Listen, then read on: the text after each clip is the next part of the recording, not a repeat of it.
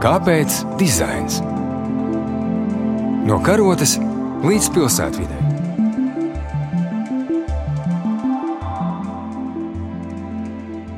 Labdien, klausītāji! Klasikas studijā ir Ilza Martinsona, Latvijas arhitektūras muzeja vadītāja, un mans viesis šodien ir Ilmārs Dirveiks, būvpētnieks, arhitektūras vēsturnieks.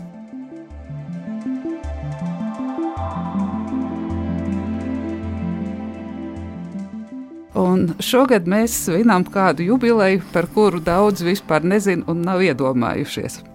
1982. gadā kultūras ministrijas sastāvā kultūras pieminiektu restaurācijas projektēšanas kantora ietvaros tika iedibināta specialitāte - arhitektoniski mākslinieciskā izpēte. Un šai nozarei šogad paliek 40 gadi, un Man liekas, jocīgi, ka daudzi joprojām nezina, kas tas vispār ir. Esmu aicinājusi Ilmāru par to pastāstīt, kurš ir viens no nopietnākajiem pētniekiem šajā jomā.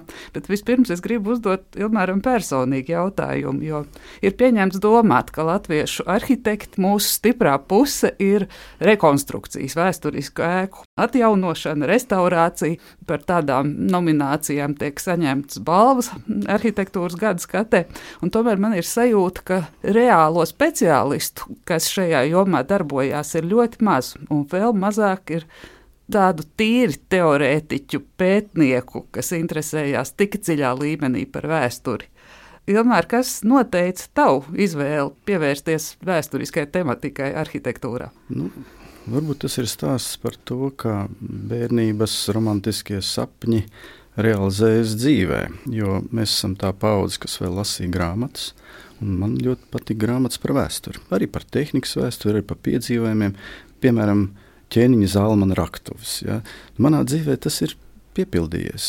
Man ir pazemes ejas, pagrabi, pilsgrupas, mūžas, kapenes un tā joprojām, kas ir pilnas ar dārgumiem. Un šie dārgumi ir uh, informācija par to, kā tas bija, kas bija, un ar laiku pētniekiem jau radās jautājums, kāpēc tas bija. Jo patiesi, es teiktu, arhitekti, praktiķi e, Latvijā, kas nodarbojas tikai ar vēsturiskām ēkām, es aptuveni teiktu no 5 līdz 10. Ja? Un Latvija ir mazs tirgus, un arī varbūt vairāk nevajag. Savukārt pārējie kolēģi, pārējiem kolēģiem jābūt gataviem, ka viņu dzīvē tāda objekta būs. Neizbēgami, ja nu, nebūs tikai jaunas sēklas. Bet, nu, jāsaka, es uh, biju domājis kļūt par mākslinieku. Tas nepiepildījās, un kļuvu par arhitektu, bet tas arī stāsta par to īstajā vietā, īstajā laikā būt. Un, kā jau teicu, Tas bija tieši tas brīdis, kad Pēters Blūms dibināja šo arhitektūras izpētes grupu. Un te es saskatīju to savu iespēju.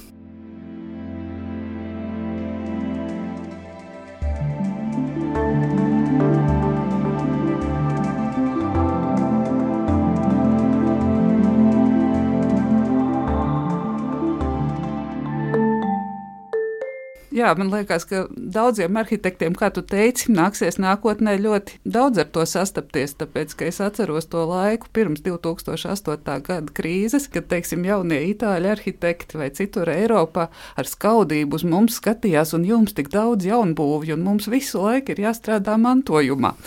Un neizbēgam tas brīdis pienāk, ja, ka ne tikai jaunbūvs, bet mums ir jātiek galā ar to, kas mums ir. Bet runājot par šo profesiju, tu jau iezīmēji ļoti skaistu tādu romantisku taku. Es vienmēr arī esmu uztvērusi to kā aizraujošu detektīvu darbu, kad slāni pa slānim tu lobi vaļā, nu tā kā arheologs vai ne, un tad tu ieraugi, atrodi saktu vai, vai kaut ko citu. Bet vai tu kopumā īsi vari raksturot, kas tad ir šī arhitektoniska mākslinieciskā izpēte un kāpēc tā vispār ir vajadzīga? Jā, nu, tā ir savas definīcijas garas un sarežģītiem vārdiem teikts, bet vienkārši sakot, tas ir tāds pats analītisks pētījums kā citi. Tas ir integrāls, tas nozīmē, tas ir summējošs pētījums. Tas nozīmē, ka man ir nepieciešama informācija no visdažādākām palīga disciplīnām, no kolēģiem. Tie ir arheologi, vēsturnieki, tie ir būvnieki, tie ir mākslas zinātnieki un tā joprojām. Un to visu sabāžot kopā ar šo visu bagāžu, tad es dodos uz to ēku. Un īpaši saistoši teica, tā loģika un tā dedukcija. Ja. Tas nav tikai fiziski, arī fiziski tas ir noņemts slāni pa slānim, ja, bet šo slāni pa slānim noņemt uh, teoretiski domājot, domāšanas ceļā, ja bieži vien tādā veidā notiek šie atklājumi. Jo šī arhitektūras mākslinieckā izpēta ir tāda pati ekspertīze un tehnisks slēdziens par ēku, kā par slimnieku, kā tas ir, kā teikt, konstruktīva tehniska ekspertīze. Neviens nejautā, kāpēc vajag konstruktīvu tehnisku slēdzienu, bet uh, tas ir tas pats. Un, ja mēs vairāk zinām par objektu, tā kā ārsts par slimnieku, tad mēs jūtamies brīvi un pamatot savā rīcībā. Un tas ļoti svarīgi attiecībā pret mūsu mantojumu, lai mūsu darbības būtu pamatotas. Un par metodēm. Tu jau pieminēji, ka tas ir ļoti komplekss skatījums, kur nāk kopā vis visādu veidu speciālisti. Bet man ieinteresēja, kā tas ir. Šo 40 gadu laikā tas noteikti daudz kas ir arī mainījies. Mums ir pieejams tādas tehnoloģijas, kādas kādreiz nebija. Un par tām metodēm man sevišķi valdzinoši liekas tavs stāsts, kā tu jāteniski sēdēji uz sīs jēkab katedrālē un zāģēji nost gabaliņu. Mērķis bija tieši jaunā tehnoloģija beigās. Un cik nu šīs tehnoloģijas jaunas, bet varam viņus tā koncentrēt uz 20. gadsimta otro pusi, protams. Nu, tas bija gadījums, kad mēs izmantojam tā saucamo dendrochronoloģijas datēšanas metodi, kas īstenībā ir visprecīzākā šobrīd. Tas nozīmē, ka tiek datēts koks, būvkoks, kas ir iebūvēts ēkā, un līdz apskaužam fantastiskai precizitātei. Tiek ja noteikts gads, kad viņš ir nozāģēts, tad piepildījums, ka viņš ir pludināts vai žāvēts. Tur. Un tā, protams, ir brīnišķīga viena no disciplīnām. Un vēl ir būvfizikālās izpētes, ķīmiskās izpētes, un mikoloģiskās izpētes un krāsas. Ja mēs zinām, piemēram, kad ir izgudrots kāds pigments, ja, tad mēs varam pateikt, ja mēs viņu atrodam ēkā, tad mēs zinām, ka lūk, tā ēka varēja būt tad, kad tas pigments jau pastāvēja, ne ātrāk. Un tā joprojām. Un eh, tās visas tomēr ir palīga disciplīnas, kuras tad šim arhitektūras pētniekam ir jāsavāc kopā arī ar kritisku skatu. Neviena nav pilnīgi pilnīga. Ja. Īpaši ļoti interesanti ir, kad keramika datē. Keramika datē termoluminescences metode, optiskās luminescences metode un tā tālāk. Bet uh, tad mēs varam datēt ķieģeli. Viduslaiku pilī mēs paņemam ķieģeli un vairāk mazāk tur tuvināt varam datēt. Bet tās visas ir palīga disciplīnas, kuras jāliek kopā un tam arhitektūras būvpētniekam viņš ir tas, kurš par konkrēto ēku visu to summē. Visu summē, sākot no arhīvu datiem, kā interpretēsim kādus pāris teikumus, kas atrodami ir arhīvā, un kā mēs to saliksim ar to, ko mēs atrodam un datējam šīm tehnoloģijām. Šīs tehnoloģijas, protams, ir ļoti palīdz tagad, jā, ļoti palīdz, bet viņas joprojām ir neabsolūtas.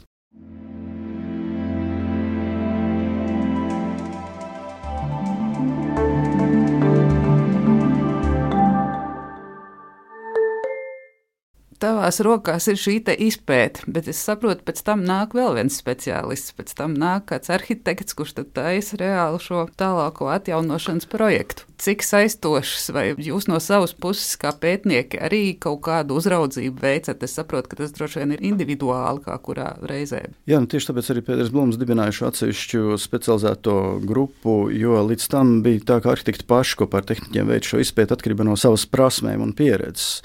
Šobrīd ir tā, bet es teiktu, ka mana specialitāte nav absolūti teorētiska. Tas ir tāds praktiskais teorētiķis, jo es esmu klāts projekta realizācijā. Izpēta turpinās, kad projekts tiek atjaunots. Tīpaši, ja mēs esam vienā birojā ar kolēģiem, kur projektēja. Tā jābūt ļoti ciešai sadarbībai. Jo tiešām, tad, kad notiek lielie būvdarbi, tad šajās visās vēsturiskajās ēkās nāk klāt vēl un vēl informācija. Visdažādākā informācija, piemēram, var atrast kaut kādas vēstules, dokumentus zem grīdas dēļiem, un tas ir jau vēsturiska informācija, kaut kāda pilnīgi negaidīta. Un e, šie pētījumi vienādā ziņā palīdz arhitektam, ja viņš visu laiku ir kontaktā, ir jārisina šie jautājumi. Šie pētījumi palīdz atrisināt karsto jautājumu, kas parādās negaidītais jautājums. Uzreiz to var ietilpināt kopējā ainā, ja, kopainā par objektu. Tāpēc šī sadarbība ir tāda praktiski teorētiskā sadarbība, jo tu esi būvniecības procesā uz sastatnēm un redzi, kā tas viss realizējas arī. Jā, man liekas, ka te viens piemērs ir ļoti labi ilustrēt tavu teikto. Tā ir Rīgas pils, kuru bremzē ne tikai naudas trūkums un tas, ka ceļās būvdarbu cenas, bet arī tas, ka tik milzīgi darbi Rīgas pilī, es nezinu, kad ir notikuši, un šie atklājumi nāk vēl un vēl un vēl. Un tas var mainīt atjaunošanas koncepciju. Tā arī notiek. Gan arī visos objektos, vairāk vai mazāk, ir kaut kādas izmaiņas, īpaši tik lielos objektos, kur notiek ilgstoši. Ar to jau visu laiku sev nervus bendē pasūtītājs un arhitekti, kur nepārtraukti dabūna pārzīmēt. Un Rīgas pilī tas patiešām bija ļoti būtiskas, dārgas izmaiņas jāieveic. Bet parasti ar to rēķinās. Kaut kādā mērā rēķinās, būvnieks, izmaksās, tiek iekļauts jau kādas izmaiņas prognozējumās.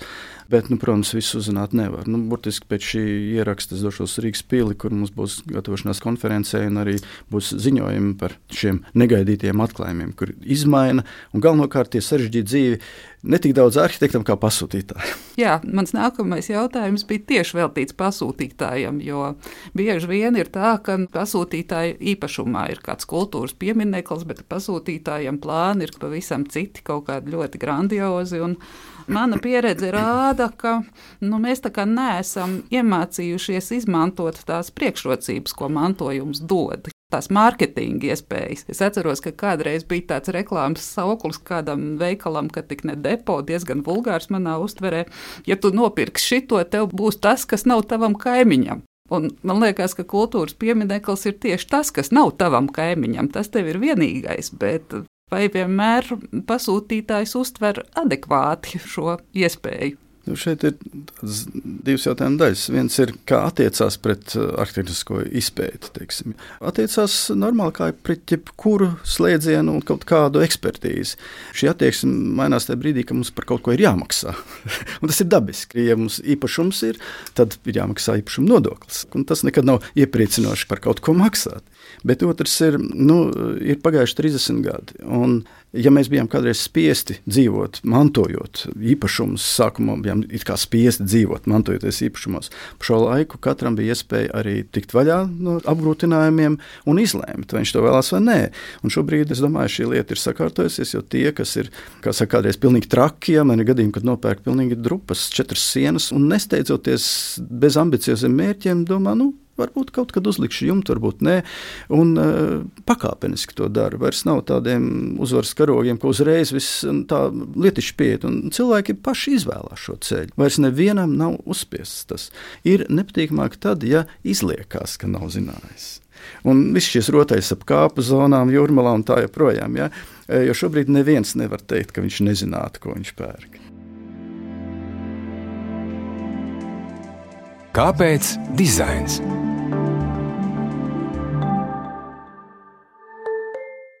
Un mans nākamais jautājums ir par to gala rezultātu, kad ir izieta šī izpēte un ēka top gatava restaurēta. Šajos daudzajos gados attieksme pret to, kas ir restaurācija, ir stipri mainījusies. Mana pamatdarba vieta atrodas vēsturiskajā kompleksā Trīs brāļi, kas tika 50. gados pagājušā gadsimta projektēta kā vieta, kur notiks restaurācija, un mēs redzam, cik šī attieksme toreiz bijusi brīva. Tur pārvietoja portālu no vienas ēkas uz otru, iebūvēja sienas skati, kāds tur nekad nav bijis. Attieksme pret restaurācija mainās laika gaitā. Un šodien jautājums ir tāds, kā nepārvērst vidi, neradīt plastmasīgu. Jēga ir 100 vai 200 gadi. Nu, mums tas vecums ir jājūt. Nākot šurp uz radio māju, gāju gar finanšu ministriju un ar interesi skatījos. Tur tiek pašlaik restaurēta fasāde, un uz fasādes ir uzraksts no kara laikiem par to, kur atrodas bumbu patvērtne. Man ļoti interesē, vai šis uzraksts tur pēc restaurācijas paliks vai nē. Jo īstenībā tā ir iespēja mūsu stāstam. Šodien Ukrāņi sēž bumbu patvērtnēs, metro. Mēs arī esam to darījuši tikai 80 gadus atpakaļ, un tā ir dzīva liecība par to. Jā, es ceru, ka tas uzraksts paliks tas būtu absolūti normāli, bet šī vēsturiskā vide ir ļoti jūtīga. Smalks vārds ir sensitīvi. Un patiešām ir tā, ka ar sīkām kļūdiņām var krietni iedragāt to autentiskumu, patiesumu. Tie stāsta par šo autentiskumu. Varbūt interjers kaut kur tāds kičīgs, naivs, bet varbūt arī haotisks un nepārdomāts. Un tas ļoti iedragā to kopējo skatu. Tā kā nav jābūt obligāti plasmas slogiem, plasmas durvīm. To var arī traumēt, arī neuzmanīgi veidojot interjeru iekārtu vai kaut ko nepareizi izdarot un zaudējot ko vienīgo, kas ir. Protams, ka šī jušana viņa kādiem speciālistiem, kas to dara ikdienā, izstrādājās profesionāli. Ja? Tādēļ jau šīs ekspertīzes un vērtējums par pilsētām, par atsevišķām ēkām taisa tomēr pieredzējuši profesionāļi. Bet um, būtu svarīgi apzināties, ka tā ir tik smalka lieta un ka vajag konsultēties. Vajag vienkārši konsultēties ar zinošiem cilvēkiem, lai noskaidrotu, kas tavā pavisam vienkāršajā lauku mājā varbūt ir tas galvenais, tas galvenais stāsts. Tu pareizi teici, stāsts. Ir ja ārkārtīgi svarīgs to stāstu e, saglabāt, jo ļoti patīk radīt stāsti. Mums ir daudz leģendas un mīta, kuriem profesionāļiem jācīnās un jāuzraksta kaut kas arī patiesi, saprotot, ka vienalga publikai patiks nevis tā sausā patiesība, bet tā leģenda. Bet tā ir tās virpļošana centrālo nozīmes stāsts, kuram jābūt daudz maz patiesam. Tad nu, jēga darboties tajā visā. Tu savā lekcijā pieminēji tādu terminu - urbānais autentiskums. Es saprotu, ka tas ir tāds jaunveidojums. Vai tu vari komentēt, kas tas ir un ko ar to saprot? E, jā, tas pirmkārt jau, kā mēs redzam no nosaukuma, attiektos uz pilsētu. Autentiskums var būt uz atsevišķu objektu, uz lādi, kas tev ir mājās no vecmāmiņas mantot, bet arī uz pilsētu. Nu, pieņemsim, Attiecībā uz pilsētu tas gan ir, skatos, ilgākā laika periodā mainīgs. Pieņemsim, Zolītūdu imantu. Šie daudzdzīvokļu rajoni pavisam nesen tika projektēti pēc noteiktas sistēmas. Tur strādāja kolēģi, profesionāļi, pilsētu būvnieki. Mājas izvietoja atbilstoši saules ceļam un izsauļot pagalmi. Tāda rēķinājās ar vējiem, caurvējiem un arī brīvu publisko telpu. Un tad tas pēkšņi 90. gados, un tā bija šī autentiskā urbānā telpa tam laikam. Un tāpat kā ar māju pārbūvējot, nāk 90. gadi un viss spraugs ir aizbūvēts. Viss, kur ir vēl brīvs, ir kaut kas iecepts, uzcelts. Šobrīd ir jautājums, vai var tur iebraukt ātrā palīdzība vai ugunsdzēsēji, jo mašīnas parādījušās desmit reizes vairāk, un šī vide ir mainījusies. Tas būtu kā piemērs, kā mainās, un kad urbānā autentiskums var būt pilnīgi mūsdienīgs. Tas var būt Ņujorkas, uh, piemēram, marketinga skats ja, ar, ar šīm debesskrāpjiem. Vairāk mēs to attiecam uz mazpilsētām, jo arī te ir jautājums tāpat kā par ēku. Kas ir tas raksturīgākais? Konkrētai pilsētiņai. Un tad mēs arī pie tā strādājam, uzķerot to kodu, pilsētiņas kodu, kuru nu nekādi nevajadzētu pazaudēt. Arī pie objektīvām izmaiņām, kas dzīvē notiek. Nu, tas būtu šis urbānais autentiskums, pilsētas patiesums, kas tai būtu raksturīgākais. Jā, un tu jau pieminēji šos padomju laika korpusus, pēdējais jautājums ir varbūt savā veidā man personiskā sāpe saistīta ar manām profesionālajām interesēm. Kā tu domā, vai padomju laikā būvētās ēkas, kuras mēs uzskatām par arhitektoniski vērtīgām, bet viņu celtniecības kvalitāte ir bijusi tik zema, vai vispār ir kāda cerība? Nāk virsū siltināšana, vai mums ir cerība kaut ko glābt, saglabājot šo te Jā, neuztraucies. Cerība ir tiešām ir cerība, tāpēc ka šis process ir ārkārtīgi loģisks un pēctecība jau notiek. Un te redz, ka ir izaugusi jauna paudze, kura jau par to aktīvi interesējās, jau uzstājās un runā cīņu par Elizabetes divu un tā tālāk. Mūsu paudze noklāja to periodu ar moderno kustību līdz 20. gadsimta vidum, vēl pieķerot 50. gadus klāt. Tālāk jau ir mūsu iepriekšējā paudze, bija tie, kas veidoja šo padomju laika telpu jau mums. Un gribētos novēlēt jaunajiem arhitektiem nepalaist garām to momentu, ka vēl ir tie autori dzīvi. Bet, nu, diez vai dzīvē tā notiek. Pašlaik šis process ir pārējais etaps. Tāds. Un tad, kad apķerās, ka varēja taču intervēt tos autors, tad jau bieži vien ir par vēlu. Un es redzu, ka absolūti tas viss notiek, bet tās problēmas būs tādas pašas tieši tie paši jautājumi, kas ar kaut kādu tur baroka pili. Ja? Tas būs jautājums par autentiskumu, jautājums par materiāliem. Būs divi varianti. Vai nu daudz maz normāli celts un slikti materiāli, vai arī slikti materiāli un labi celts. Cik es zinu jau no Igaunijas pieredzes, tad viena no problēmām ir nekvalitatīva materiāla, kas bija padomju laikā pielietot. Bet vienalga būs kaut kur pēdējā šī imants vai zolitūdas māja. Kādreiz būs viņa pēdējā tur, kur būs jāsaudzē. Tie paši jautājumi, un tas viss notiek. Tā kā neuztraucies, jau ir aktīvi nāk spēku paudze iekšā, kas ar to darbojas. Ilmār, paldies tev par šo pozitīvo sarunas noslēgumu. Klasikas studijā bija Ilza Martinsone un Ilmārs Dirveigs. Redījums ir tapis ar valsts kultūra kapitāla fonda atbalstu.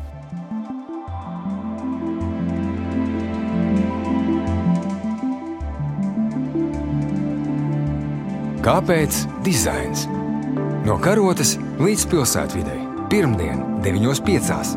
ar atkārtojumu sestdien, 18.18. 18.